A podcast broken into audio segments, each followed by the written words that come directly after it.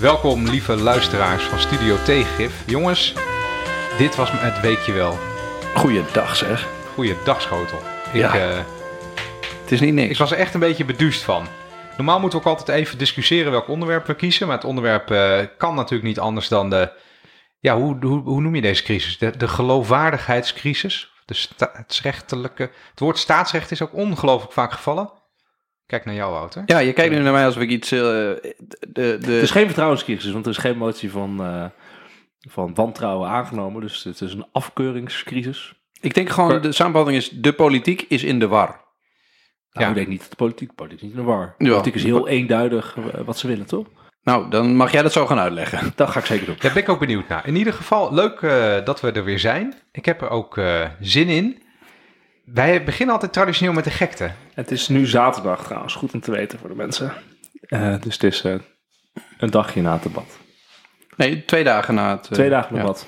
Het is net bekend geworden dat ChristenUnie, eh Gert-Jan Zegers heeft gezegd dat hij in de volgende kabinetsperiode niet met Rutte als premier wil. Op dat moment zitten we nu in de tijd. Ik denk dat er dat Daar staan wij tot het nu. moment Ja. dat als deze podcast online komt, gaat er waarschijnlijk eh, nog heel veel extra nieuws eh, naar buiten komen. Nee, precies. Maar het is ook goed gebruik in deze podcast om niet allemaal hersenloze voorspellingen te doen, maar eh, een beetje te analyseren wat, wat van blijvende waarde is. Want anders eh, ben je ook geen tegengif, toch? Zo is dat. Maar de gekte. Ja, pardon, daar wilde ik heen. De gekte, nou, meestal is de gekte dus inhoudelijk iets, eh, iets anders, maar er gebeurde in dat debat nou iets waarvan ik dacht, jeetje, dat is toch wel bijzonder.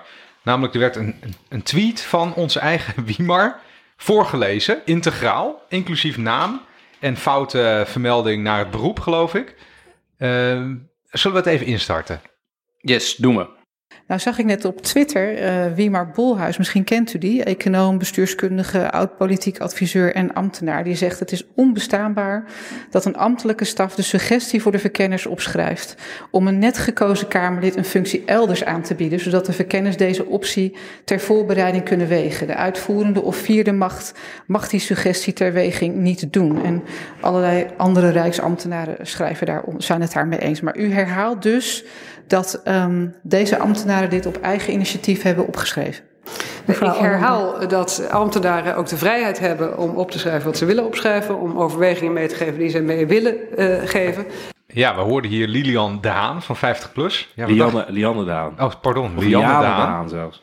Het gaat zo snel allemaal, ik uh, hou het niet meer bij. Nou, dit, dit was toch wel quite something. Totaal bizar om dit zo uh, te zien gebeuren, te horen gebeuren. En je Hoeveel... werd ook nog een beetje gebracht als ambtenaar, merkte ik. Ja, precies. Ik werd compleet gebruikt uh, als ambtenaar. Dat klopt ook niet, klopt niet hè, voor de duidelijkheid. Ja, ik ben ja. nu geen ambtenaar, want dan mag je dit soort dingen ook niet tweeten. dus uh, dat klopt. Maar, wat, uh, wat ging er door je heen, Wiemer? Ik vond heel, nou, het is vooral heel vreemd. Ik, ik vond wat dus, ging er uh, door je heen? Wat een vreselijke ja, lege vraag. vraag. um, nou ja, wat moet ik erover zeggen? Ja, uh, de, die tweet kwam, werd gebruikt. Dat was leuk, toch? Het staat nu. Uh, de, ik ben nu onderdeel van het debat, uh, wat waarschijnlijk aanleiding is um, voor een andere, voor een nieuwe um, politieke periode in Nederland. Dat vind ik grappig. Zo. Mm. Toch? Nee, het, ik zei, ja, het staat ergens opgeschreven. Ja. En Twitter was ook heel blij dat er een tweet in het debat terecht kwam. Dat merkte ik ook. Want die dachten, jeetje, dat is toch wel fijn dat gelezen wordt. Via het, wordt, het doet er gewoon toe. Want wij hier ja, zitten te twitteren met z'n allen. Ja, even alle gekheid op een stokkie. Dat gaf mij wel, wel het gevoel van, hier is al een soort nieuwe fase aangebroken. Dat, uh, dat zag je sowieso in dat debat. Heel veel nieuwe Kamerleden, die, een, die nog een hele andere manier van uh, discussiëren, hanteren. Uh, met een soort, ja, soort oprechtheid, zou ik haast zeggen. He, want ik vond ook bijvoorbeeld de bijdrages van uh, Caroline van der Plas en uh, Sylvana Simons. Nou, dat tapte uit een heel ander vaatje. Um, he, we hadden in die voorbespreking, kwam ook naar voren dat, dat die uh, mevrouw van der Plas, die vroeg aan Kaag, ja, maar vertrouwt u meneer Rutte nog? En toen was het ongeveer een minuut stil, zei, zei hij net in de voorbespreking. Ja, ja uh, zo, hoe zeg je dat? Gewoon zo'n een oprechte vraag. Nee, het was, het, ja. alles kwam samen eigenlijk deze donderdag. Dus het was net de dag daarvoor was een nieuwe kamer geïnstalleerd. Die mensen zaten er allemaal net. En toen dat hele gebeuren met dat, die, die, die foto die gemaakt was van die notitie... en de nasleep daarvan en wie er gelogen heeft en wie iets opgeschreven heeft... en wie iets bedacht heeft en wie iets besproken heeft... met allemaal Kamerleden die daar net zitten, die nog eigenlijk handelen vanuit wat een normaal mens zou willen weten in een situatie. Dus die stelde allemaal hele beschaafde vragen van, goh, hoe zit dit eigenlijk? Waarom doet u dit? Oh, oké. Nou, als het zo werkt, dan werkt het waarschijnlijk zo. En je zag een soort clash tussen de mensen die al heel lang in de Tweede Kamer zagen en die een ministerpost hebben vervuld. En mensen die daar net één dag zaten en die ze gewoon vroegen van, oké, ehm, waarom gaat dit eigenlijk zo? Ja, echt de outsiders, die Ja. de insiders kwamen bevragen. Wat doen jullie er eigenlijk? Zo van, ze waren nog niet gesocialiseerd. Dat, Het eh, leek wel een net. test met loten. Maar wel heel goed. Want ik, eh, ik vond ook eh Dassen, en dan is Dassen de een fractievoorzitter van Volt, die dus Ja. ook nieuw is.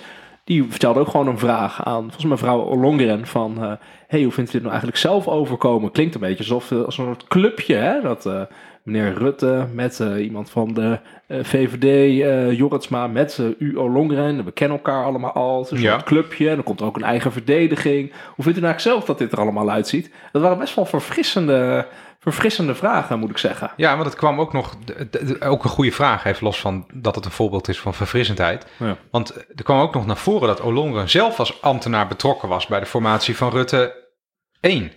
Ja. Dus dat is toch ook wel bijzonder. Hoe, wat, het illustreerde, eh, bedoel ik te zeggen, hoe klein die kring met mensen is die zich hier eh, eh, mee mogen bemoeien. Ja, en ik vond ook het gewoon interessant in het hele debat, precies dat, dat eigenlijk de, de, de buitenstaanders, dat die eigenlijk de beste vragen stelden. Dus als je, als je naar het debat keek, was inderdaad eh, Van der Plas heeft inderdaad een goede vraag. Sylvana- Simons was ook eh, behoorlijk goed. Ik vond Baudet ook, eh, Dat was een ook genieten. heel goed. Ja. het was echt... en en Esther Ouwehand is natuurlijk niet echt nieuw, maar die stelde ook een paar hele, hele goede vragen. Over hoe moeten we de motie nou precies interpreteren, mevrouw Kaag. De motie van, van afkeuring. Dat ze zei, nou, ik zou hem interpreteren als dat ik moet opstappen. Dat was een hele, gewoon een hele simpele, verklarende de vraag. Die dan wel nodig is om het debat wat sterker en duidelijker te maken. Ik Was kreeg goed. daar, ja, zeker. Ik kreeg daardoor ook een beetje de indruk dat eh, aan de kant van, dat weet je niet, misschien eh, volgt dat uit de reconstructies, maar dat vanuit de kant van D66 en het CDA werd gedacht, als wij met een motie van afkeuring komen, ehm, dan zal Rutte zeggen, ik treed terug. Misschien niet acuut, Ja. Eh, wa- wa- want anders krijg je ingewikkelde situaties wie dan premier moet zijn. Ehm, maar dan treed ik terug. En dat deed hij niet. En toen, ehm, want ik zag Kaag ook na afloop een interview geven, waarin ze in feite hetzelfde zei. Dat ze zei, wat ze vroeg aan haar, wat had u gedaan? Ja. En zij zei, ik was teruggetreden. Ja, maar dat is ook ik wat- ben een ander mens. Nou, dat is dus wel, want zo probeert ze natuurlijk ook neer te zetten. eh, de bestuurscultuur, leiderschapstijl. Hè? Als zij zoiets was overkomen, was ze wel afgetreden. En Rutte doet dat niet. Dus die blijft ten koste van alles bijna zitten. Ik vond het wel, dat is natuurlijk, maakt het, dat vond ik wel mooi, dat je echt wel de twee stromingen zag in het, eh, in het debat. Dus inderdaad de nieuwkomers tegen de mensen die er al zijn. Ver- Vergeet dus ook niet dat Sigrid Kaag, dat het haar eerste debat in de Kamer was. Hoekstra, eerste debat in de Kamer als Kamerlid. Dat zag je ook, hè? Eh, Hoekstra deed trouwens ook heel goed. Hoekstra deed het echt heel, eh, heel goed. Ja, ik vond het wel... eh, Ik vond het eigenlijk, wij, hebben eerder wel eens, eh, volgens mij was jij dat een paar keer in onze podcast, ehm, een soort commentaar gegeven op de, de doorwisselsnelheid van Kamerleden. Omdat het ook belangrijk is dat er eh, ervaring in zit om, om de macht goed te kunnen controleren. Ja. Ik vond eigenlijk vorige week donderdag dat er ook heel duidelijk werd dat het heel verfrissend is, is als er, als er heel veel nieuwe poppetjes binnenkomen om het volk te vertegenwoordigen. Omdat die nog niet, ehm, als het ware door de, de wasmachine van de cultuur in het parlement zijn gehaald. Die Ja, weten nog niet hoe het daar hoort. Maar wat hier wel heel erg duidelijk is, dat waarom dit zo verfrissend was, is omdat juist de cultuur van de Tweede Kamer, Niet fris was. ja, niet fris was. Die, dat stond op de agenda. De cultuur, hoe die nu was, hoe die geworden is, of, of nu eh, lijkt te zijn geworden in eh tijdperk Rutte, zeg maar. Dat stond op de agenda en daardoor waren die buitenstanders staanders zo verfrissend. Was het over een heel eh, technisch inhoudelijk debat geweest, dan hadden waarschijnlijk minder een eh, deuk en een pakje boter kunnen slaan. Maar Ja, dus het ging echt over de cultuur. Ja, dat, Nou, dat, ik- deden ze, dat was heel mooi om te zien. Ik vond het echt een, een van de, denk ik, een van de mooiste een van de relevantste. debatten Ja. die ik in de Tweede Kamer ooit heb gezien. Ja, het gaf, het gaf mij wel het. ongelooflijk. Ik, was er ook ik was er ook, ik weet niet hoe jullie dat, het is altijd een beetje loos van hoe heb je dat beleefd, eh, dat, dat, maar, Die vraag stelde ik Heb net aan dat- Wiema, toen mocht het niet. Vriend. nee, nee, maar ik, ja sorry, duizendmaal excuses, maar ik was echt een beetje onthutst ehm, door, wat hier, door wat hier gebeurde een week lang. Ehm, hè, we, we willen eh, straks eh, vooral vooruitkijken, maar we moeten even toch stilstaan bij wat er, wat er gebeurde. Dat er zo. ehm, het is niet eens de zaak wat er, wat, er, wat er gebeurt. Namelijk, ik vind het helemaal niet zo vreemd dat je eh, andere partijen bespreekt in de verkenning. Eerlijk gezegd. Nee. Eh, met alle, in alle eerlijkheid, dat is goed denkbaar. En ik denk Ja. ook dat als meteen was gezegd van... ja, dat, wij hebben het CDA besproken, dat had ik anders niet onthuld. Maar hè, aangezien dat nu een kwestie wordt, eh, zal ik daar gewoon eerlijk over zijn. Dat hebben wij besproken. Ik vind dat ook volstrekt normaal. Hè, vind ervan wat u vindt. Ik doe het altijd, of hè, ik vind het normaal. Maar dat er vervolgens een week lang niet de waarheid werd gesproken... eh, en dan, met, dan, dan weer diezelfde eh, verdediging van ik kan het me niet herinneren, Ja. dus ik lieg ook niet. Ja, ik, ik, een hele vreemde vergelijking. Vergeef me dat. Maar ik had hetzelfde toen, toen de Notre Dame affikte. Weet je dat nog? Ja. Toen, jullie weten dat ik een groot liefhebber ben van middeleeuwse cultuur. Hè? Toen dacht ik, toen was ik echt onthutst. Dat merkte ik gewoon. Want je, dus er wordt wel eens een bomaanslag gepleegd of zo. En denk je, Ja, het gevoel, business as er, er usual. fik nu een tijdperk af. Er fik nu een tijdperk af, denk ik. Ja, Iets wat niet meer terugkomt. En dat had ik bij dit ook. Want eh noem me dan, misschien ben ik dan naïef, toch naïef geweest. Ehm, ergens wordt van je verlangd, als je de, de staatsmacht bekleedt, dat je de waarheid spreekt. Ja. En dat je in het landsbelang af en toe liegt. En dat is een heel rekkelijk begrip, het landsbelang. Dat, dat snappen mensen dan nog wel. Maar dat je gewoon eh, over van alles en nog wat begint te liegen, Ja, dat- onthutste mij. Ja, dat hutst m- mij eh, ook. Want uh, nu ook toch even van wat is nou eigenlijk gebeurd. Voor mij dus echt heel erg gewoon. Wat is nou gebeurd? Op 17 maart wordt Rutte gekozen met eh, grote, gro- zelfs een overwinning. Duidelijk de grootste partij, vertrouwenscijfers. En iedereen in Nederland gaat ervan uit, er komt gewoon een Rutte 4 kabinet. Ja, iedereen. Ook en er links. is tussen, iedereen. tussen 17 maart en 1 april, waarop dit debat plaatsvindt, is eigenlijk geen. Er is geen externe rare gebeurtenis geweest. Waardoor, waardoor Rutte zou moeten terugtreden. Dus de enige wat hier gebeurd is, is dat Rutte heeft zelf fout na fout na fout gemaakt. Waardoor hij daar komt te staan. Hij heeft dit op een of andere manier, heeft hij zelf zijn, nou ja, als dit het graf is, eh, is heeft het echt zelf gegraven op een of andere manier. En dat is wel eh, goed om daar even naar te kijken. Wat is daar nou gebeurd? Ik denk dus, jij zegt net, liegen, dat accepteren kiezers wel als het enigszins het landsbelang is. En dat is natuurlijk hier het interessante. De vorige keren dat Rutte werd betrapt op een, op een jokje. Ehm, Selectief geheugen. selectief geheugen, dat ging over dividendbelasting. Ging over beleid, eh, over- ja, maar ook toen had hij de rol van premier in een coalitie en was hij aan de macht en had de rest van zijn coalitie had ook dus belang om hem te steunen. Maar nu zitten we in een formatieperiode waarin het dus ook hij niet liegt als premier, maar als fractievoorzitter in de interne eh, ja, Haagse kliek, zeg maar, waar iedereen probeert in vertrouwen tot een nieuwe regering te komen. En dat is hier echt wel een, En- een heel duidelijk verschil.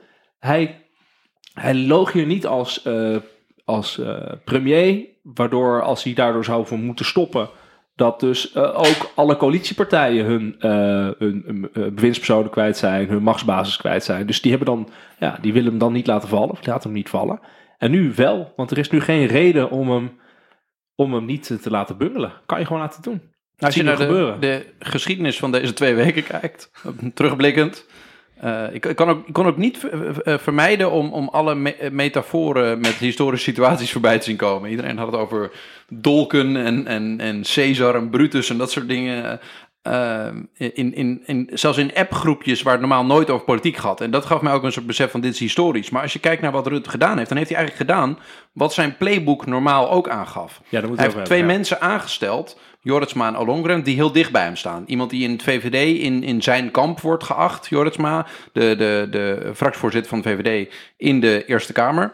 Ollongren, die eh, secretaris-generaal is geweest van het ministerie van Algemene Zaken onder hem, die eigenlijk een beetje eh, zijn eh, ambtelijk protégé was. Eh, Echt vertrouwelingen. Die zijn ondersteund door ambtenaren uit het ministerie van Rutte. Dus raadsadviseurs waar hij al eh, een jaar of eh, vijf tot tien mee werkt. Mensen die hij allemaal goed kent, die er vertrouwt. En dat is, dat is zijn playbook. Dat is, je zorgt ervoor dat je ondersteund wordt door mensen die loyaal zijn, waar je van op aan kan. En op een hele informele manier bespreek je met hen de zaken en, en zorg je dat, dat gewoon de boel gezamenlijk werkt, dat er bestuurd kan worden.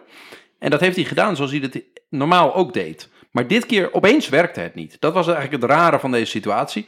Dat iedereen aanvoelde van dit is niet een, een unieke situatie in de zin van dat, er, dat eh, onze eh, premier anders handelde dan die eerder deed. Maar het Ja. is uniek doordat hoe die handelde dit keer opeens niet werkte. Ja, omdat Dat was het, het rare. Omdat het een andere situatie was. Ik heb bijvoorbeeld bij de, eh, toen het eerste kabinet Rutte werd ge- geïnstalleerd, toen heeft hij, hè, eh, Uri Rosenthal werd toen voor minister van Buitenlandse Zaken. Nou, laten we zeggen, dat is niet, dat, was een vertrouweling van Rutte, maar het is geen groot succes als minister van Buitenlandse Zaken geweest, volgens mij. Hetzelfde met Opstel, die natuurlijk toen benoemd is, was ook een vertrouweling van Dat werd toen ook niet als een succes gezien. Het werd allemaal niet als een succes gezien, maar het ging niet afstralen op Rutte. Waarom? Ja, het was gewoon de bezetting van het kabinet. En het kabinet was al geformeerd. Eh, maar nu is het zo dat hij dit heeft gedaan in de formatieperiode. Dus om het nieuwe kabinet te formeren. Normaal gesproken waren er toch altijd wel mensen met een bepaalde afstand. Ja. eh, die al eerder eh, minister waren geweest, minister van Staat, noem het allemaal op. En nu eh, toch twee mensen die eh, in ieder geval heel dichtbij hem staan, maar ook in de historie, zeg maar, ook relatieve lichtgewichten. Ik bedoel, het is Jorritsma, eh Olongren. Olongren is natuurlijk op dit moment... Jorritsma is gewoon nog actief politicus in de Eerste Kamer als fractievoorzitter. Dat is natuurlijk raar als je dan volgens gaat verkennen. Nou, Eigenaardig. Eigenaardig. Vervolgens ook nog, Olongren is nu gewoon Een minister. zittend minister. Een zittend minister. En ook Vicepremier. vicepremier en ook een behoorlijk zwakke. Dus ook niet, hè, want dat weten we gewoon afgelopen jaar. Dus niet een enorme reputatie of iets dergelijks. Ehm, ja, dat is wat er nu gebeurd is. En, en dat ontploft eigenlijk eh, terug nu in zijn, in zijn gezicht. Eh, wat natuurlijk allemaal te maken heeft met de notitie die eh, openbaar komt te, te- te- voor de fotograaf.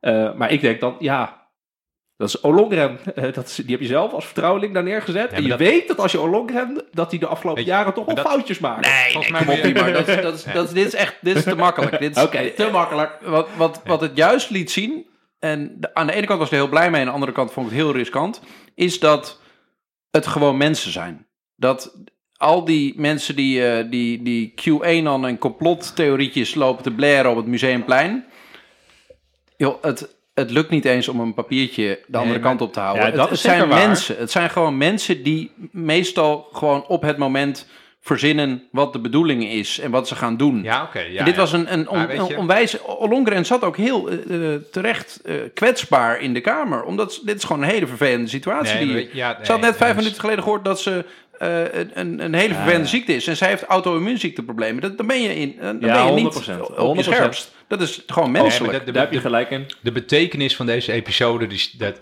dit is maar de aanleiding. En bij dit soort dingen altijd iets bizars. Hè? Ja, Papiertje ja, ja. de verkeerde kant op. Niemand Ja, ziet het aankomen. Nee, niemand ziet Ik, het en aankomen. weet je, leuk om te vermelden trouwens, dat de, de fotograaf die die foto gemaakt heeft, ik weet in dat eh, huishouden wordt altijd naar deze podcast geluisterd. Dus wel leuk. Dat, eh, ja, mooi. Nou, dat Mooi. is wel extra sympathiek dat ik dan net zeg dat het helemaal niet belangrijk, ja, nou, ik helemaal denk, niet belangrijk is. Als fotografen per, eh, per hergebruik van hun foto worden betaald, dan mag die vast niet Dan klaar. zie je een leuke, Oké, leuke de eerste auto. wat hier in ieder geval gebeurt is er worden vertrouwelingen eh, als verkenner maar aangesteld. stop, daar wilde ik net van wat over zeggen. VVD en CDA, eh, VVD en D66, dus niet CDA. Dat is ook interessant, want dat zou ik zeggen, creëert ook een creëertje dat je het misschien wat makkelijker hebt over de instabiliteit van het CDA. Want je hebt het daar met een VVD en een D66 Nee, maar ik denk... de- verkenner over. De reden, ja, hier valt veel over te zeggen. Want eerder, hè, zoals heel veel mensen hebben kunnen lezen, de verkenner is een informeel eh, iets. Ja. Die verkenner die, die was er eerst niet. Je hebt alleen een informateur en een formateur. Ehm, maar er zit nog een week eh, tussen de verkiezing en het, en het hoe zeg je dat? Inzweren van de nieuwe Kamer, het installeren van de nieuwe Kamer. En die week, die, werd, die is de afgelopen twee keer gebruikt om met een verkenner, een, één, een individu, één iemand, eh, alvast even te kijken van welke kant moeten we ongeveer op. Precies wat het woord zegt. Ehm, maar nu begon het, werd het echt al een preformatie. Omdat je met twee partijen, die dan blijkbaar de, de, de as, de centrale as van het beoogde nieuwe kabinet zijn, gaat formeren. En wat er volgens mij gebeurde, waarom er zo'n super felle reactie is, terwijl hè, op 17 maart Rutte nog de grote onbetwistbare, onbetwiste winnaar was. Een soort heftige eh, allergische reactie is dat de macht, eh, de uitvoerende macht niet vernieuwd werd, maar de uitvoerende macht, het kabinet dus, zichzelf, Voortzetten. zichzelf voortzet. Ja. Ja. nog eens even ging kijken van oké, in welke vorm gaan we nu door Ja, met precies. onszelf? Ja. Letterlijk. Mensen gingen gewoon Ik letterlijk moet op eerlijk zichzelf zeggen dat praten. ik, ik moet eerlijk zeggen dat ik de, de, de benoeming van, eh, of de, de verzoek aan Jorisma en Longren, vond ik nog te begrijpen in de zin van, oké, Jorisma heeft geen positie nu in het kabinet. Ollongren heeft gezegd dat ze ermee stopt. En er is ervaring op algemene zaken vanuit haar. Dat, dat snap ik allemaal. Maar dat je vervolgens op het moment dat die opstappen, dan Koolmees en Van Ark vraagt, dat is, dat is helemaal onbegrijpelijk. En misschien, misschien nog wel uh, in Dat de zin van, het zijn, het. het zijn hele goede bewindspersonen. Dus ze kunnen deze taak ook heel goed. Maar het onderstreept heel erg, eh, Mhm. inderdaad, van eh, het gaat om mensen die ik vertrouw, die voortzetten waar wij mee bezig zijn. Dat, En het verhaal van deze campagne, wat een, is het boek van Pieter Omzicht. ja. En daar ging het niet over. Nou, Maar daar dat hadden was wij het het verhaal. vorige keer. Hebben wij, het, hebben wij het over gehad. Daarom heet het ook tegengif hier. Ja. Maar vertel, Eh, wat is het tegengif dat Pieter Omzicht ons leert? Het hele boek gaat erover, en dat iedereen kent dat verhaal zonder het gelezen te hebben. Tegenmacht is er niet meer in Nederland. Ja. Er is macht en die is, die, eh, die, die is onbelemmerd in feite. Want de journalist, iedereen ziet dat ook, daar moeten we het zo ook nog maar even over hebben. De journalistiek is niet in staat om inhoudelijk tegenmacht te bieden. De Kamer, het statuur van de Kamer daalt, de kwaliteit van de Kamer daalt, de positie, informatiepositie van de Kamer is bewust gemarginaliseerd. Ehm, dus er is geen tegenmacht. En als je dan ziet dat in plaats van dat er een soort nieuw begin wordt gemaakt, waarbij je dan een, wel een beetje geleerd hebt van de kritiek die je hebt gekregen. Nee hoor, je gaat 100% verder op het pad van de macht bepaalt zelf wel even eh, in welke vorm het kabinet zichzelf eh, voortzet. Toen dacht ik, nu Ja. breekt er bij heel veel mensen, ik, hè, ze zitten overal hè, wie maar op Twitter. En eh, hè, dus ieder een soort butterfly effect eh, kan je dan, Ja, kan je dan jij hebt het krijgen. over, je hebt het over omzicht. We hebben het de vorige podcast ook gehad over eh, het boek van Ruud Kolen. Twee pijlers, wat Ja. hetzelfde is. Hè? Dus zeg maar de electorale pijler, niet de electorale pijler. En ook, en ook het boek van Wim Voermans. het land moet bestuurd Die worden. was ook behoorlijk Heel pittig. goed, ja. Op, Maar het gaat ook over de vraag van de macht, de uitvoerende macht, wordt eigenlijk niet meer gecontroleerd. Nou, daar gaat die discussie over omzicht natuurlijk ook over. Dat was ook in die tweet van, ja, het is natuurlijk vreemd dat een nieuw te vormen uitvoerende macht, dat die even gaat bespreken door welke macht ze gecontroleerd willen worden. Namelijk of Pieter Omzicht er wel of geen onderdeel van uitmaakt. Dat is precies, eh, dus in die drie boeken met hun drie verhalen Die boeken die hadden allemaal hetzelfde van. Omzicht, ja, Kolen, Voermans. Dit is precies eh, een teken daarvan. En wat het in deze weken natuurlijk nog veel erger maakte, is dat dus Rutte ergens de opmerking maakt. ehm, in de reactie, wie gaat hier ehm, duidelijkheid over geven? Dat is ook weer de precieze term. Of Niemand gaat hier uitleg over geven. Niemand gaat hier uitleg over geven. Niemand ja, gaat dan, dit uitleggen. dat was ook echt een hele pijnlijke. Ja. Dat, toen merkte je ook dat dat iedereen was dacht, wat- hoe bedoel je, dat was de gaat eerste steek. geven? Ja, hoe bedoel je, gaat iemand uitleg geven over eh, dat, dat dit op een briefje staat? Eh, nee, het was gewoon snel, hop, twee nieuwe verkenners die we kennen en we gaan door. En we gaan niet even eh, de tegenmacht eh, hier, eh, of, of, of de controlerende macht hier een kans geven. Ja, en ik denk dat heel veel mensen gehoopt hadden dat dit zich zou verbeteren. Eh, de, want deze situatie. Nou, wat, wat ik denk dat de antenne van de zittende macht gemist heeft, is dat het gevoel van niet meer betrokken worden en mijn mening doet er niet meer toe. En de staat is te sterk in haar uitvoerende macht en wordt niet goed meer gecontroleerd. Dat dat gevoel bij heel veel mensen in Nederland groter is dan de mensen centraal gedacht hadden. Dus het omzicht is niet alleen maar Pieter Omzicht die een heel erg hardwerkend Kamerlid is, maar die, die vertegenwoordigt een gevoel. Daarom is hij zo populair. En daarom wordt zijn gedachtegoed van een heel erg kritische houding ten opzichte van alles wat macht heeft, wordt gedeeld door heel veel mensen. En daarom is het des te spannender als die persoon er opeens eh ja, bijgenaaid lijkt te worden. Van die is lastig, die moet weg.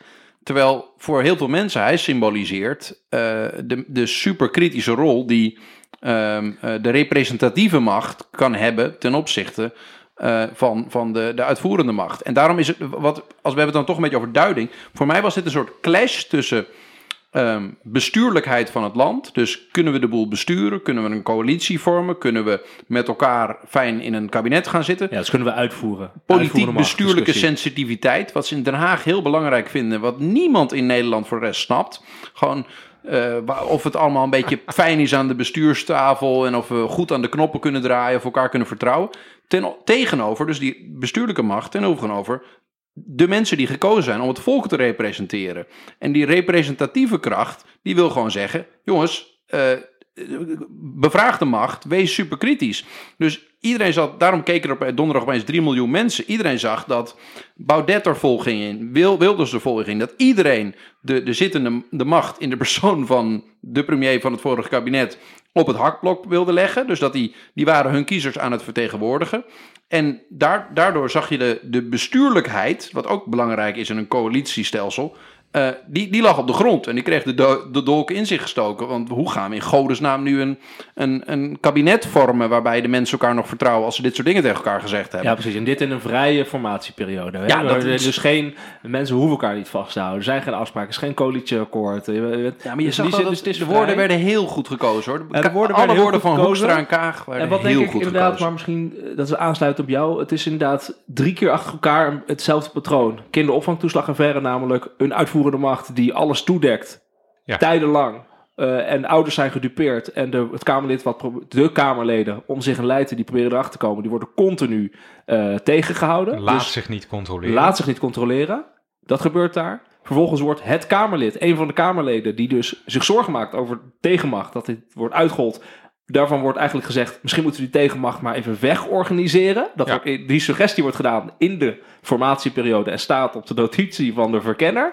En vervolgens is het ook nog eens zo dat op het moment dan gevraagd wordt, kunnen we alsjeblieft even controleren wat eigenlijk gebeurd is in deze formatie, dat dan de premier zegt, niemand gaat die uitleg over geven. Ja. nou, en dan En alles bij elkaar werd dat Alles een elkaar. beetje too much voelt dat voor de wel als een enorme doofpot. Ja, zo voelt dat. En dan worden mensen heel boos. En terecht. Terwijl hier ook duidelijk sprake was van de stelling van Welling. Ja. Ja, ik heb, er waren zelfs mensen die mij appjes gingen sturen van, Ja. dit gebeurt Ik nu. denk ook dat dit Ja. een totale eh, clusterfuck is. eh, ehm, eh, dit is veel meer een clusterfuck dan bewust gedoe, denk ik. eh. Nou Maar- ja, ja, ja. precies. Of een perfect storm, om precies te zijn. Want het stapelde Ja, steeds precies, op elkaar. precies. Want als, was het gegaan over een ander Kamerlid... en had Rutte Precies. niet gezegd van... eh, niemand gaat u uitleg over geven... maar had hij gezegd, eh, hier moet even uitleg over komen... dan was dit, allemaal, dan was dit niet gebeurd. Dit was Nee, chaos-theorie optima forma. Het Ook was- bijvoorbeeld als nou de, als de, wat natuurlijk heel raar was hier, is dat dus de ex-verkenners, Joritsma en de Longren, die willen verantwoording afleggen over wat ze hebben gedaan. Die schrijven daar een brief over, op basis van hun eigen aantekeningen. En dat schijnt dus dan niet overeen te komen met de notulen van de ambtenaren, waar zij zelf geen inzicht in hadden of mochten hebben omdat ze ex-verkenner waren. Heb je dat verhaal nog ja, ja, Hoor? zeker. Ja, Ja, ja. dat heeft natuurlijk ook Dat in de Perfect. Storm. Dat slaat nergens op. op. Nee. Dat moet meteen ge- gestopt worden. Dus op het moment dat er in de toekomst er een ex-verkenner is die Nee, verantwoording moet afleggen, dan moet hij je- dat op basis van de gespreksverslagen van de ambtenaren mede ook mogen doen. maar maar- Ja, eh, dat is, zorgt hier ook voor een, ja, een, een extra eh, puntje in de clusterfuck. Nee, maar er waren heel storm. veel... Dit is ook een Ja. klein onderdeeltje... dat eh, voor de luisteraars... Wordt het wantrouwen alleen maar gevoed. Dat minister. Olong, of nee, pardon, verke- ex-verkenner Olongren, al heel verwarrend allemaal, merk je nu, zei, ja, wij mochten niet bij de, ehm, bij de aantekeningen van de nieuwe verkenners. Oké. Nee, niet bij de aantekeningen van de ambtenaren over Nee, we mochten niet, nee, ja, precies. Maar dat mocht niet van de nieuwe verkenners, zei ze op een gegeven moment. En toen dacht ik, dit slaat nergens op, dit zou niet zo moeten horen. Maar ik merkte ook bij mezelf, ik geloof het ook niet. Eh, en dan merk je dat het, dat het vertrouwen eh, eigenlijk al weg is hè, in een proces. Nou en ja, dat merkte je in de Kamer ja, ook. Dat mensen daar, eh, Kamerleden dus, reageerden in de trant van... Ja, maar dat zegt u nu Nee, wel, maar ik geloof het Nee, eigenlijk want gewoon stond ook nergens zwart of wit dat dat dan niet mag. Dus het is dan een gebruik of zo. Of een soort code die is afgesproken. Van. Maar hoe van, kan je het nou bent gebruikt ex-verkenner. zijn? We hebben, het, we hebben het pas één keer zo gedaan. Ja, precies. Dus dan vervolgens begint meteen, omdat het nergens vastgelegd wordt, eh, vastgelegd is, begint natuurlijk meteen iedereen te denken: oké, dus dit is een excuus. Eh, niet wettelijk een excuus, een gebruik. En wordt dat gebruik dan nu ingezet om dingen te verdoezelen? Dat is het Ja, ja. gevoel wat je Ja. gaat krijgen. Ja. En dat is toch 100%. een feest, jongens. Dit- Gewoon, de, Nee, de dit keizer heeft erg. eventjes Ik geen het kleren echt- aan. dit is het is heel echt erg. Wat hier Ja. gebeurt is, is echt totale demasqué van Ja, ja, de het Nederlandse is- politiek. Ja. Voor het oog van, het is het een miljoen plus mensen. Hier kan je eindelijk Het het, woord echt- demasqué echt dit is echt- Masker valt. Het is echt, eh, ik vond het echt, eh, nou ja, echt pijnlijk. Heel pijnlijk. Ja. Om te zien. Ook wel, eh, ook een historisch debat en politiek geweldig en democratisch misschien wel mooi. Het laat ook zien dat als je heel transparant bent over een formatie, dat dat misschien ook wel eens tot eh, ellende kan leiden. Maar Nee, maar je, daar, werden ook, daar werden ook veel te makkelijke dingen over gezegd. Want er waren mensen die hebben dat, die kregen meteen een eh, verlangen naar de tijd dat Beatrix nog het voortouw had in een formatie. En toen had je het geheim van Noordeinde. Alleen, ehm, nu herinneren mensen zich dat natuurlijk weer niet goed, zoals dat gaat. Er was, er was een deel was geheim, maar een deel was ook openbaar. Hè? Dus die verslagen van de informateur en de formateur, uh, meervoud misschien, die waren gewoon openbaar. En die legden ook verantwoording af. Maar de voorkeuren die uh, partijleiders uitspraken, die waren geheim. Uh, als voorbeeld, hè? Ik, ik, heb het nu niet helemaal, hoe zeg je dat, tot in de puntjes uitgelegd. Maar er was zeker sprake van een, uh, een gedoseerde mate van openbaarheid. En dingen die, die dan geheim moesten blijven, die, die alleen in vertrouwelijkheid kunnen bestaan, die waren vertrouwelijk. En nu werd het, ging, werd het een beetje random of zo. Dus sommige dingen die waren vertrouwelijk, sommige dingen waren openbaar. Toen brak er paniek uit en werd alles maar openbaar gemaakt. Dus het gaf allemaal niet. Ik kreeg ook een beetje terug, terugverlangen naar uh, informatie door de koning. Ja, maar de, ik vond het juist heel spannend. Dat ik dacht van, oké, hier wordt nu on the fly verzonnen hoe dit in de toekomst zal gaan. Je zag uh, de voorzitter van de, voorzitter van de Tweede Kamer ook af en toe... Ariep zag je voor zich uitkijken van ja, naar, naar haar ambtenaren. Van jongens, wat zijn nu de regels? Kan iemand even. Dit werd verzonnen on the fly. En, en het riskant is inderdaad dat het slachtoffer daarvan is het vertrouwen in de representatieve democratie aan zich. Uh, dus dat mensen überhaupt minder vertrouwen krijgen dat het, het parlement iets namens hun belang kan doen, omdat het toch maar een rotzooitje is. Maar aan de andere kant is die kwetsbaarheid van een proces van hele machtige mensen, dat, dat heeft ook iets. Uh, vertrouwenwekkends. Dat het ook gewoon transparant kan worden. En dat Nou- je dus aanspreekbaar bent op wat je doet. Ik twijfelde ook of eh, hier de democratie nou aan het werken was of juist niet. Eh, want er werd gezegd, het dualisme is, is beschadigd in Nederland. Dat klopt. Het de kabinet heeft een overmacht gekregen ten opzichte van de Tweede Kamer. Via de partijstructuren. Maar dit in dit moment van monisme, waarin al die eh, partijleiders in de Kamer zitten. Hè, daarom stond Rutte ook eh, op een andere plek eh, nu. Hè, die stond gewoon bij de interruptiemicrofoon.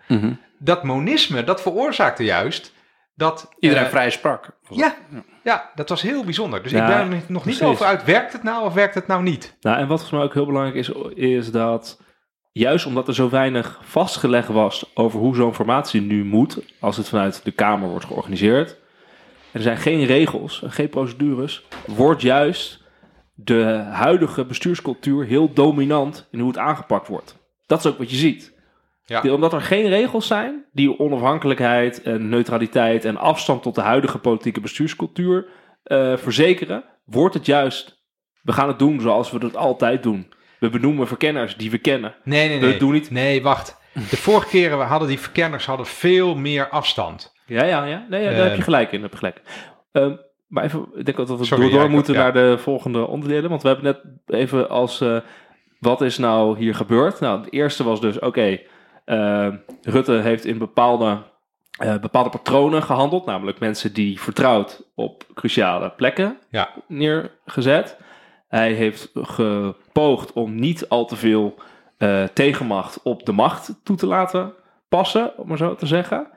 Ehm, en het derde, denk ik, is dat de verdedigingsstrategie toen uitlekte, uit naar buiten kwam dat de ambtenaren wel hadden genoteerd, er is over om zich gesproken, Mhm. is dat hij zei van, eh, van oké, ik ben het weer vergeten. Hè? Ik, me, geen actieve herinnering, Iedereen. mijn geheugen laat me in de steek. Ook, ook Jorritsma en Oh ja, die waren het ook vergeten. En dat was natuurlijk ook wel eh, het moment dat mensen dachten: gebeurt het nou alweer? Hè? Dat is hier. Dus het was wel dus de beproefde strategie, maar je merkte ook: er zat geen publiek in de zaal. Maar toen hij zei: Ik heb het verkeerd herinnerd. Zo opende die volgens mij. Toen ging daar echt een soort Toen voel je zo'n siddering. Ja, En ik merkte ook dat ik, ik zat te volgen hier, dat ik dacht van, gaan we naar hier, gaan we, gaan, we- we gaan het weer doen. Mijn het gaat weer gebeuren. Terwijl ik dacht van, je had ook kunnen zeggen, ehm, eh, misschien was dat achteraf gewoon van, ja, Omzicht heeft gewoon zoveel stemmen gehaald. Die moet gewoon een ministerspost krijgen. Dat heb ik daar besproken. Dat was het debat volgens mij heel anders gelopen. ja. Maar, maar ja, het, het werd dezelfde strategie. En toen dachten mensen ook van, ja, dit, dit- niemand gelooft dit. Zijn Nou, ik, heb, mee? ik heb het mij niet herinnerd zoals de feiten uiteindelijk blijken te zijn geweest. ja, het werd heel ingewikkeld. Ja, het werd heel ingewikkeld. Terwijl ik denk van ja, het was... Het was het Er werd een soort het debat, blusdeken het van debat was op 1 woorden overheen april. gegooid. Het debat was op 1 april. Het gesprek met de verkenners was op 22 maart. Dat is dus 10 dagen geleden of iets Het dergelijks. ging een week lang ging het er ook over. Een week hè? lang ging het erover en je hebt niks herinnerd. Dat is toch wel heel, heel eh, eh, lastig. Misschien moeten we nu een beetje kijken naar eh, hoe dit nu verder moet. Want er is toch een ongelooflijk ingewikkelde situatie ontstaan. Zoals je net al zei, Wiemar, dat de ChristenUnie... Even nou, voor Maar de we het ook nog hebben over de nieuwe bestuurscultuur, toch? Ja, Ja, ik jij dacht, daar hebben we nog- het eigenlijk wel over gehad.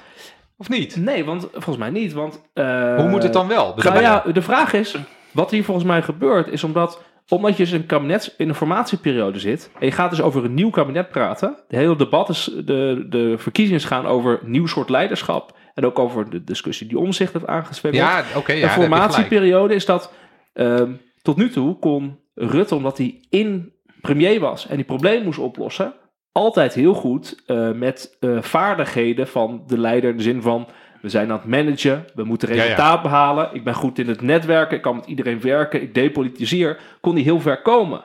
Maar omdat, hij, omdat het nu gaat over het nieuw formeren van een regering en het nieuw, de nieuwe premierskandidaat, ging het veel meer over welke normen en waarden horen erbij die, dat publiek leiderschap.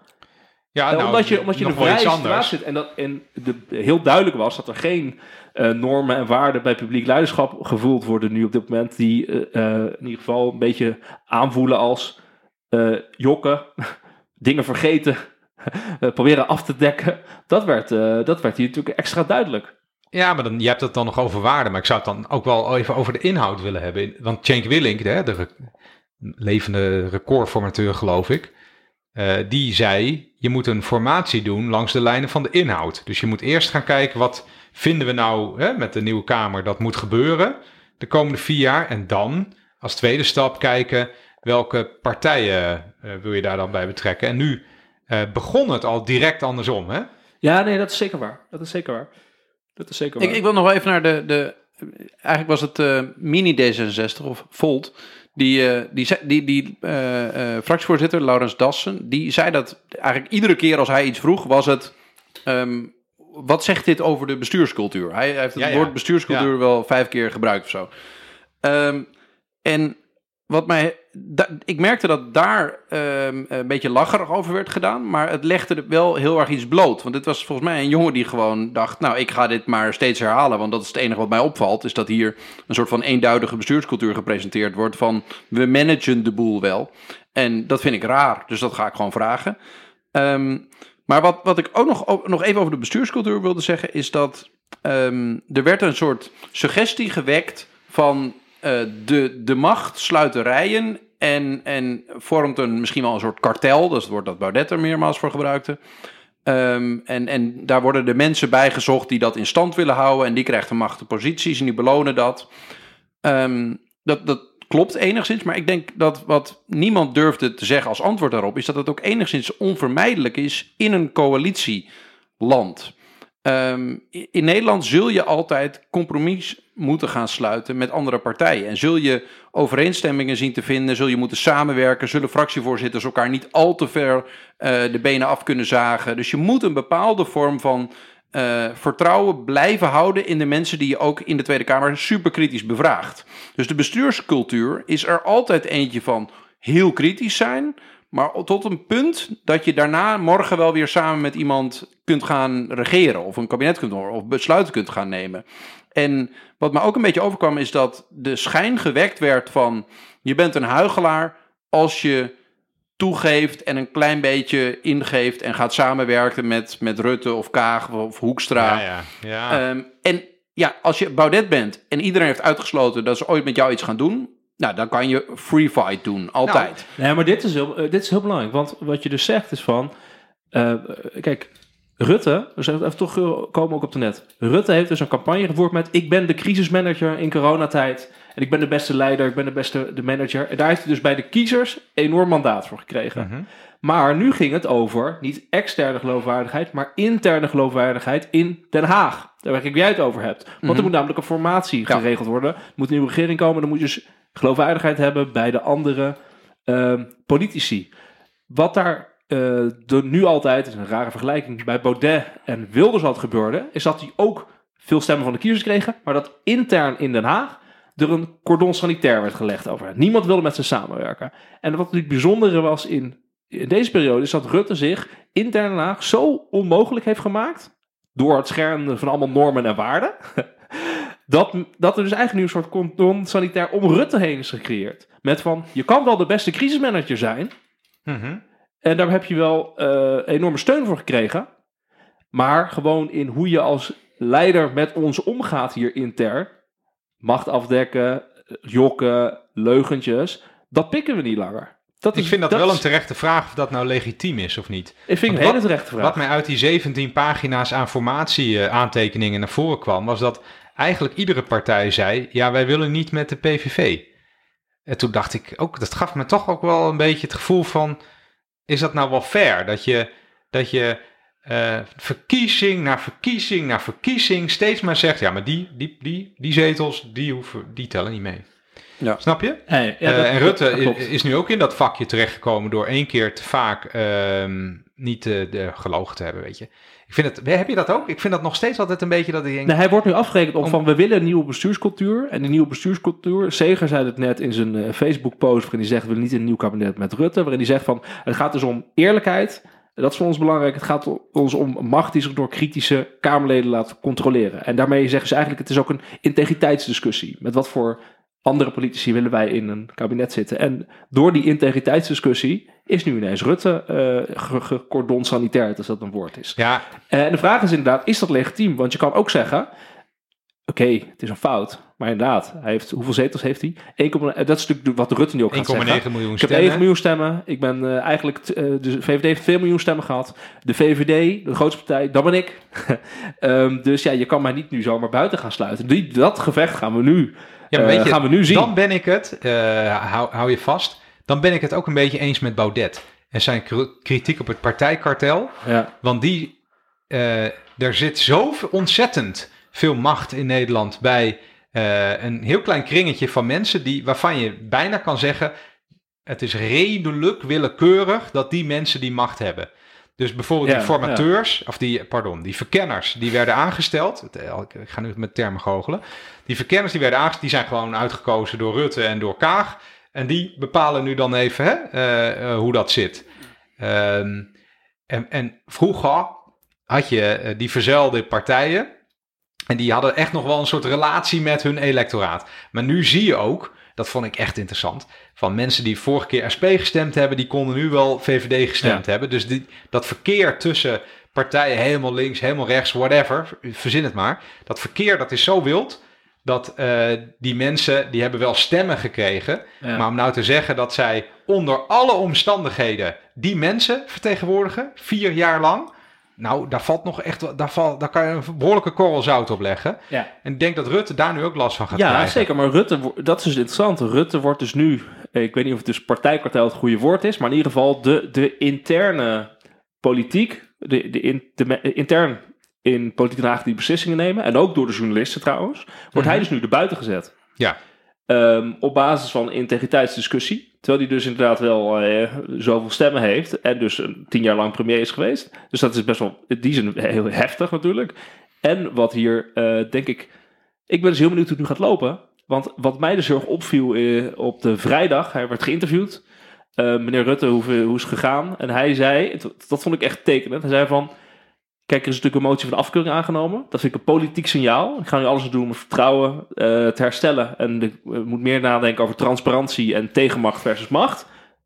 Maar hij zei ook, ja, de motie van wantrouwen is niet aangenomen. Dus je kan door. En wat als hij wel was aangenomen? Ja, als hij wel was aangenomen, nou, dan was ik nu fractievoorzitter van de VVD Fulltime geweest. fractievoorzitter Dus had gezegd. Ja, Dus hij, ga, hij gaat echt niet uit zichzelf weg. Hij was anders gewoon eh, eh, doorgegaan in de, in de VVD-fractie eh, met zijn verhaal. Ik heb 1,9 miljoen stemmen. En eh, je moet, in alle eerlijkheid, die fractie van de VVD zit er alleen maar door Mark Rutte. Hè? Nee, maar weet je, dit is dus dit is de hamvraag. Van heeft eh, Rutte 1,9 miljoen stemmen of heeft de VVD eh, iets meer dan dat, 2, Precies. nog wat miljoen stemmen? Hoe moet je dat zien? Ja, de- de- en dit is ook de discussie natuurlijk, ja, die door bij de PVV en Forum ook de hele Maar tijd dit, dit is het, het, het Stockholm-syndroom van de VVD waar we als het ware in terechtkomen. Dat, dat ze hebben gewonnen door deze man sinds 2009, 2010. En nu kunnen ze niet meer zonder. Ze zijn veroordeeld tot. En je ziet nu ook dat in, in VVD-land, vind ik heel mooi om te zien. We, komen een beetje tot de vraag van wat gaat er nu gebeuren. Ehm VVD'ers zijn gemiddeld gezien volgens mij relatief loyaal. Je ziet nu overal eh, VVD-bestuurders of geweest bestuurders of eh, vertegenwoordigers die op een manier uitleggen van jongens, hè, het vertrouwen gaat hersteld worden. Het komt goed. Dus die, daar, daar- daar, daar zijn de rijen zich aan het sluiten. Ik, ik moest Mhm. denken aan van, goh, hoe zou dat bij het CDA of de PvdA of eh, de GroenLinks gegaan zijn? Ik denk Heel in ieder geval bij de PvdA, waar we gewoon de, de leider was geslacht eh, door de achterban. Maar, maar binnen de VVD is duidelijk nog de, de reflex van Rutte wil blijven. En wij hebben dit te danken aan Rutte. ehm, dat, dat wij de grootste partij en de machtigste partij van Nederland zijn. En we hebben ook niet zomaar iemand klaarzitten die opvolger is. Ehm, dus eh, get over with it. Ja, Eh, er wordt heel, door. de, de, de, er wordt nu teruggegrepen op complete formaliteit. Hè? Dus eh, eh, gewoon inderdaad van grootste partij geworden, 1,9 miljoen stemmen. Er is geen motie van wantrouwen met meerderheid aangenomen. Nee, een motie van treurnis, dus hij hoeft niet terug te treden. Ehm, wat is eigenlijk de basis om nu... de- de- dat gaat de, de, de VVD nu doen. Rutte doet het al meteen en de rest van de VVD doet het ook.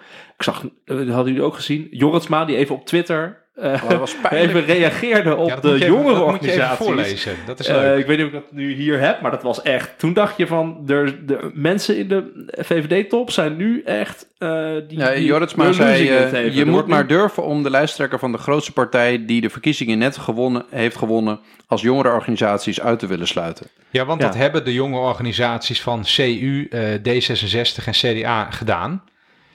Ehm, dat is toch ook wel... Haar rolvastheid is, is heel slecht, of haar rolbegrip. Want dan ben je dus net verkenner af. Je Ja. hebt er echt een bende van gemaakt. Ja. En dan ga je nu op Twitter ga je langs partijpolitieke lijn anderen de maat nemen. Ik vind dat zo onverstandig. Ja, Echt niet slim. Nee, het is ook echt niet slim, maar het is wel tekenend. hoe Ja. lang duurt een mandaat? Een mandaat is altijd iets wat niet formeel is, maar een gevoelskwestie is. Van ik geef jou het mandaat om namens mij te praten. Ik, Ja, ja. Jij hebt een Ja. mandaat om onze voetbalcoach te zijn. Maar als wij als club een voetbaltrainer aannemen en iedereen is voor, vindt hem fantastisch, team vindt hem fantastisch. Maar de eerste drie wedstrijden, waarbij ook de kampioenswedstrijd zit, maakt hij er een puinzooi van. Wat is dan nog het mandaat? ja, maar het interessante is alleen dat normaal gesproken haal je het mandaat bij de kiezer. Ja, dat is En gebeurd. dat is de voetbalwedstrijd. Ja, dat is gebeurd. En die voetbalwedstrijd heeft Rutte glansrijk gewonnen drie weken Ja. geleden.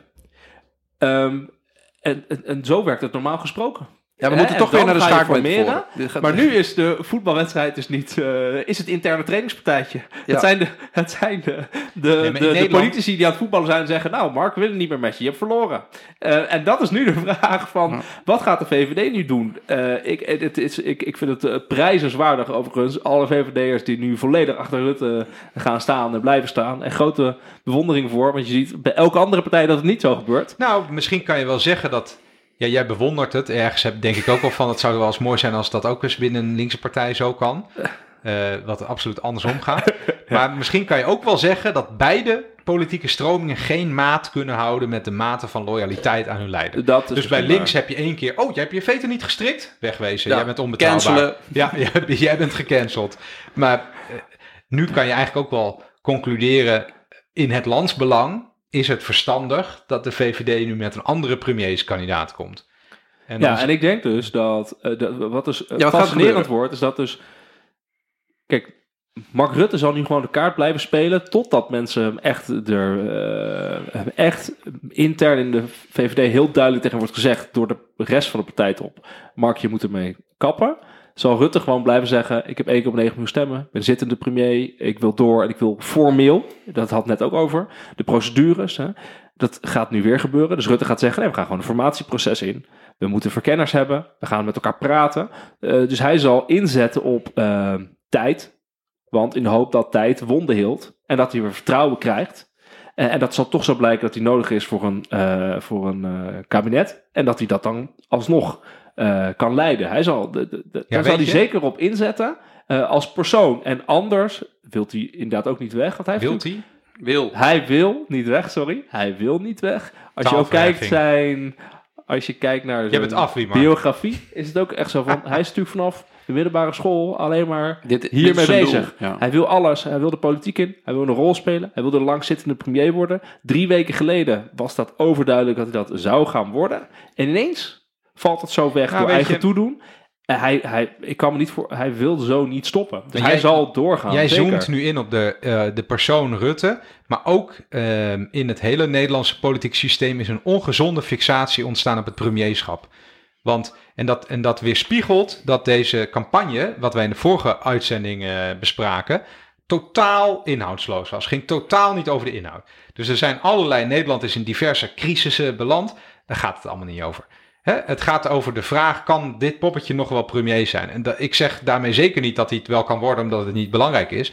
Je, volgens mij moet je een hè, eh, primus inter pares hebben die eh, de waarheid als richtsnoer heeft. Of als uitgangspunt in ieder Wat zeg geval. je dat mooi?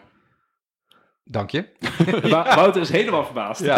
Nee, ik zat, ik zat na te denken. Toen dacht ik, hé, ja, dit, dit is het eigenlijk gewoon. Het- Maar heel goed punt. Tot en met eh, Van Acht was het nog, ja, wie wilde premier worden? Van Acht zei, ja, ik niet. Wat een, wat een vervelende baan. Ik Dat ben is helemaal niet minister. Ja, dat klopt. En eh, eh, voor Abraham Kuipers was er zelfs nog een rolerend voorzitterschap van de ministerraad. Is Randy, daarom, deelde ik ook in onze, eh, ons WhatsApp-groepje dat, dat, het linkje naar eh, dat, eh, dat album dat ik wel eens luister als ik hier aan moet denken. Dat is Amused to Death.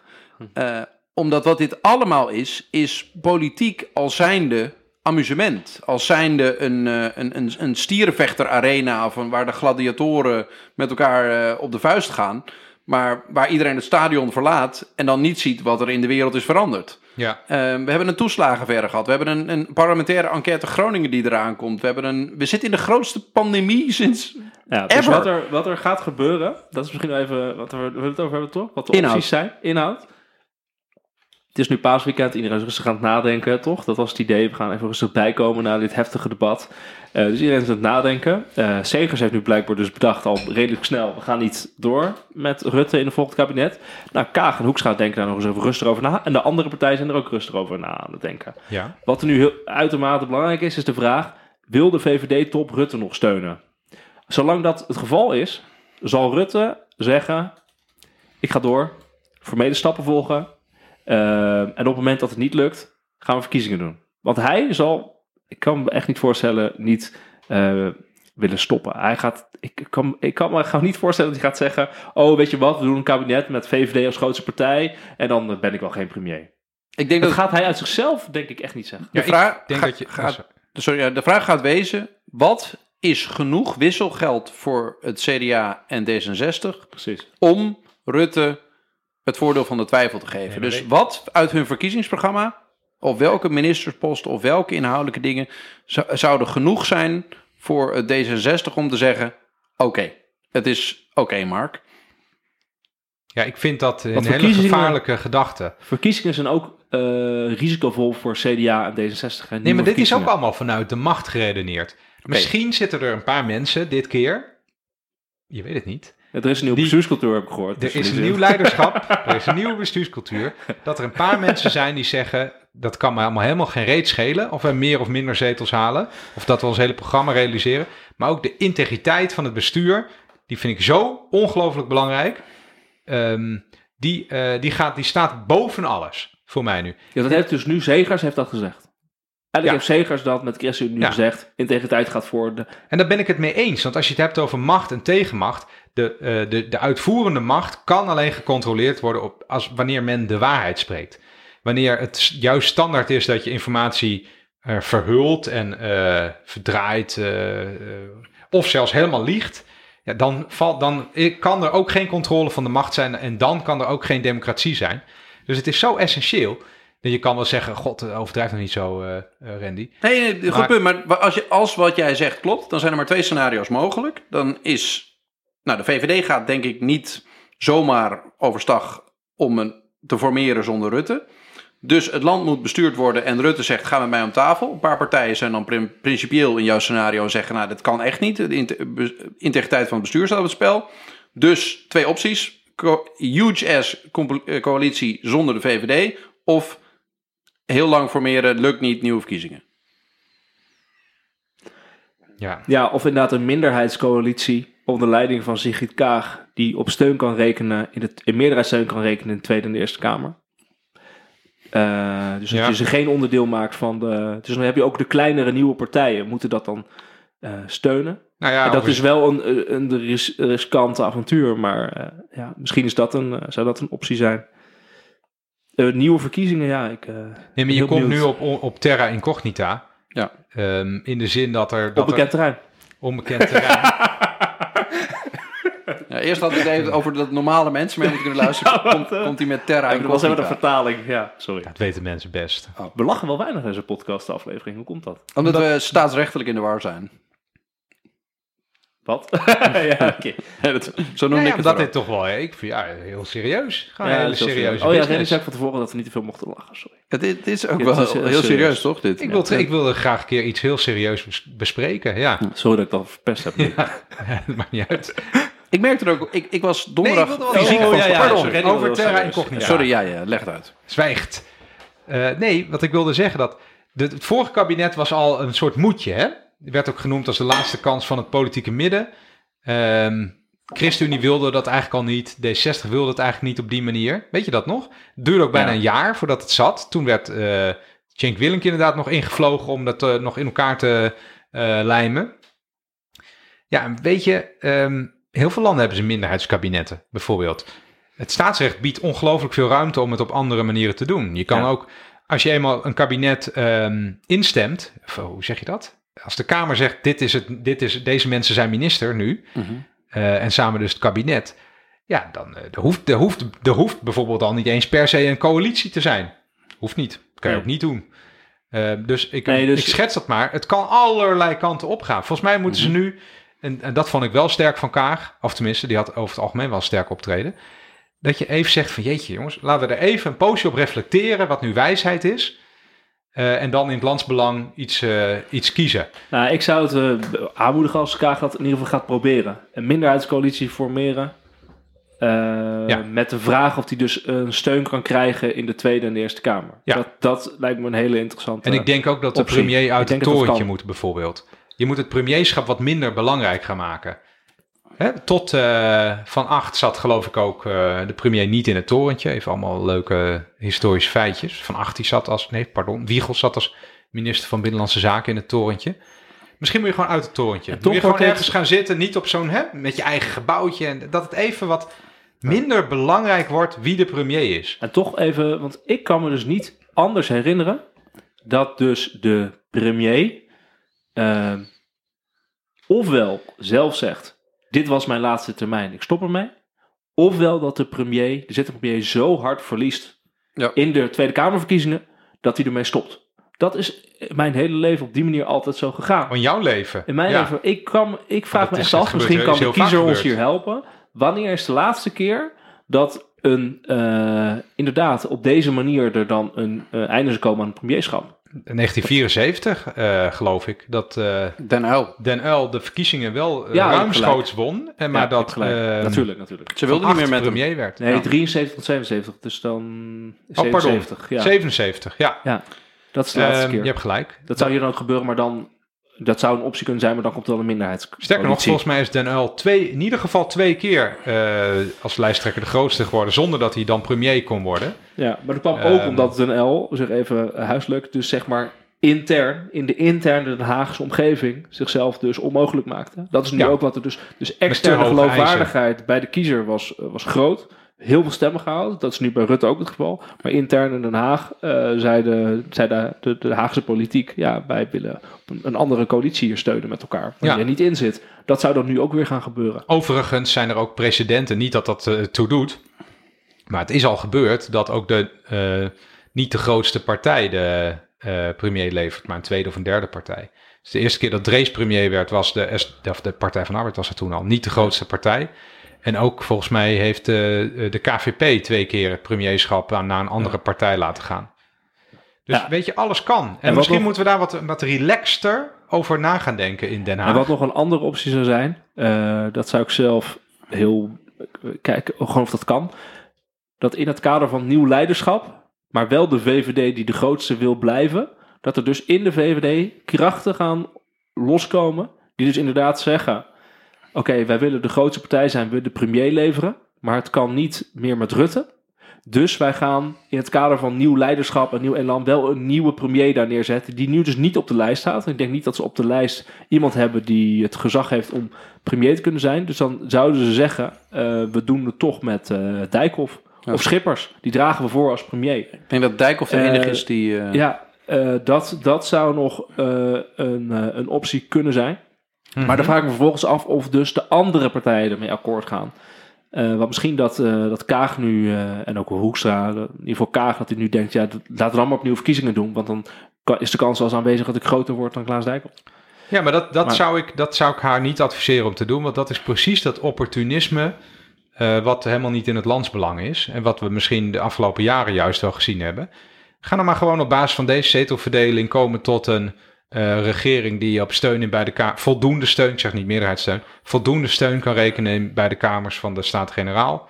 En ga maar gewoon bezig. Weet je, misschien houdt, hou je het twee jaar vol. Misschien hou je het wel tien jaar vol. ja, ik zou niet weten Ja. wat nieuwe verkiezingen... In Israël houden ze nu voor de vierde keer nieuwe verkiezingen... omdat Netanyahu eh, de, de macht niet wil neerleggen... omdat hij dan vervolgd wordt voor corruptie. Weet je, dat soort deadlocks, dat kun je ook in terechtkomen. Ook Ne- Nederland, hè, als Ja, dat ontwikkeld en beschaafd land... kan daarin terechtkomen. Dat moeten we, daar moeten we ongelooflijk voorzichtig mee zijn, zou ik zeggen. En ik ben een beetje... Mark, als je luistert... Denk Via, nou via, via, eens hij, even hoort, na- hij hoort alle dingen hoort via, alles, via, hè? via. maar denk nou eens even na wat, wat er beter is voor het land. Of je nou vasthoudt aan het premierschap eh, of niet. Want ik denk dat dat misschien beter is om de, om de kaars nu eens eh, over te geven aan een ander. Zullen we na deze optimistische woorden eh, er een eind aan breien, jongens? Nou, Ja. vooruit. Dat is goed. We doen- we dat, doen- eh, doen. jullie kijken ook heel serieus. Ja, allemaal. nee, we zijn, eh, ja. Ik ben ook nog steeds, dat zei ik aan het begin, een beetje beduust van deze week. Ja, toch? Het is wel Ja. een soort, als een soort, soort aardverschuiving of, of enorme politieke ontwikkeling. eh, Historisch. Ik Historisch, denk dat was historisch. on- Onze kinderen gaan over twintig jaar over ja. deze week teruglezen. Ja. En dan snappen ze wat het betekende. Overigens hebben wij gepoogd om. eh, er waren heel veel mensen die, eh, die vragen hebben gesteld. Eh, over, kunnen jullie het alsjeblieft hebben over, eh, over deze vragen in de podcast? Die hebben we gepoogd te verwerken in deze podcast. Dus laten we dat eh, zeggen. Behalve de vraag van Frank van der Wolde. Wat was de vraag van Frank ook weer? Die wilde graag. Nee, die had een suggestie, Een suggestie. om eh, te hebben over een of ander. E Treinsysteem. Ja, volgens mij is dat die suggesties echt al tien keer gedaan. ERTMS. Dus Ja, wij, wij stellen voor dat we daar een keer een echte aflevering aan gaan wijden. Of niet. maar een, een één aflevering. Want we kunnen dat niet even erin verwerken. Er was nog een suggestie om te hebben over GroenLinks en PvdA samenwerking. Ja, dat eh, hebben we al Daar hebben wij het al twee keer over gehad. Eh, daar kunnen we Ja. vast nog een keer er zo gaat hebben. precies gebeuren wat wij voorspeld hebben. Ehm, maar eh, dank. En overigens, misschien nog even als laatste. De suggesties voor de nieuwe verkenner. Want er moet een nieuwe verkenner komen. Nou, Dit is het lijstje wat op Twitter langskwam. Mogen Balkenende. je zelf kiezen. Vertel. F- favoriet was in ieder geval Herman Cenk Willink. Toch weer de, van stal Alweer. halen. Alweer. Ja, dat kan. Herman Wijfels werd gehaald. Gevraagd. Alweer. Denkbaar. Ehm Die heeft het ook al vaker Sijpsma. gedaan, hè? Eh Siep Fijke. Fijke sorry. Er werd ge, ge- ja, ik weet niet. Oud topman van DSM. Rinoy Kan. Rinoy kan, dat zou ik Rinoy niet doen. Kan. Er werd ook nog eh, ge- suggestie gedaan, maar dit waren denk ik hopelijk grapjes. Paul Polman. Paul Polman. Een beetje van Unilever. Nee, en dat George, George Vrolijk eh, werd ook nog genoemd. En mensen zeiden... De Kim BNR, Putters. de hoofdredacteur van BNR Nieuwsradio. Ja, die nu burgemeester is. eh, ja. Van Hilversum. Ja, eh, dus het lijkt me ook niet de meest voor de hand liggende optie. En anderen zeiden nog Kim Putters, de directeur van Shell Cultureel Planbureau, of Klaas Knot, DNB-president, of Mariette Hamer, SER-voorzitter. En ik denk dan, dat gaat hoogstwaarschijnlijk niet gebeuren, want die hebben gewoon een ambtelijke eh, functie en mogen zich niet in dit soort eh, terrein eh, terecht eh, komen. Wat denk jij, Randy? Ja, Google waarom Herman. Balkenende? Balkie. Die heeft toch een behoorlijke afstand. Die heeft toch een behoorlijke afstand van eh, de politiek. Ehm, is ook niet lid van de grootste partij of van D66. Van het CDA, voor de mensen die dat nog gemist hadden. Ja, hebben. ja, ja, ja, ja. ja, waarom niet? Jan Terlouw, waar vragen we die niet? Ik, weet je wat? Ik, ik droomde dus van een twee eh, verkenners. eh Herman Waarom? Cenk Willink en Jan Terlouw. Ja, dat lijkt dat me lijkt me geweldig. echt genieten. Dan, moet gewoon, dan moeten die, die fractievoorzitter moeten gewoon daar gaan zitten en luisteren. Ja, precies. Luisteren naar die twee heren. Naar Die buigend naar binnen komen lopen. Buigend achterover. Gewoon maak aantekeningen. Vind ik zo... eh, dat is een grapje. Is dit? Waarom moeten er weer twee verkenners komen trouwens? Ik, Het was gewoon een gedachte van mij. Er Ik komt nu geen verkennen meer. Ik heb, er komt ik heb daar geen een idee over. Of Ja. meerdere. Die fase van die verkenning die Misschien is toch eh, maar, sowieso gewoon, eh, voorbij. toch maar gewoon een minister van staat ergens vandaan trekken. Ja. Er zijn niet zoveel ministers van staat. Hoe komt dat? De meeste, op een gegeven moment, hoe komt dat? Omdat ze op een gegeven moment overlijden. Ja. Jongens, we gaan afronden. Ja, oké, we gaan afronden. Het was Ja, feest. was leuk. Ehm, dank u wel voor het luisteren. Laat weten in de comments wat u ervan wilt. En als u luistert, Kamerleden, u mag tweets van Wiemar Bolhuis voortaan altijd gebruiken als u nog een gebrek heeft aan een goede vraag. Zeker. Dank u wel.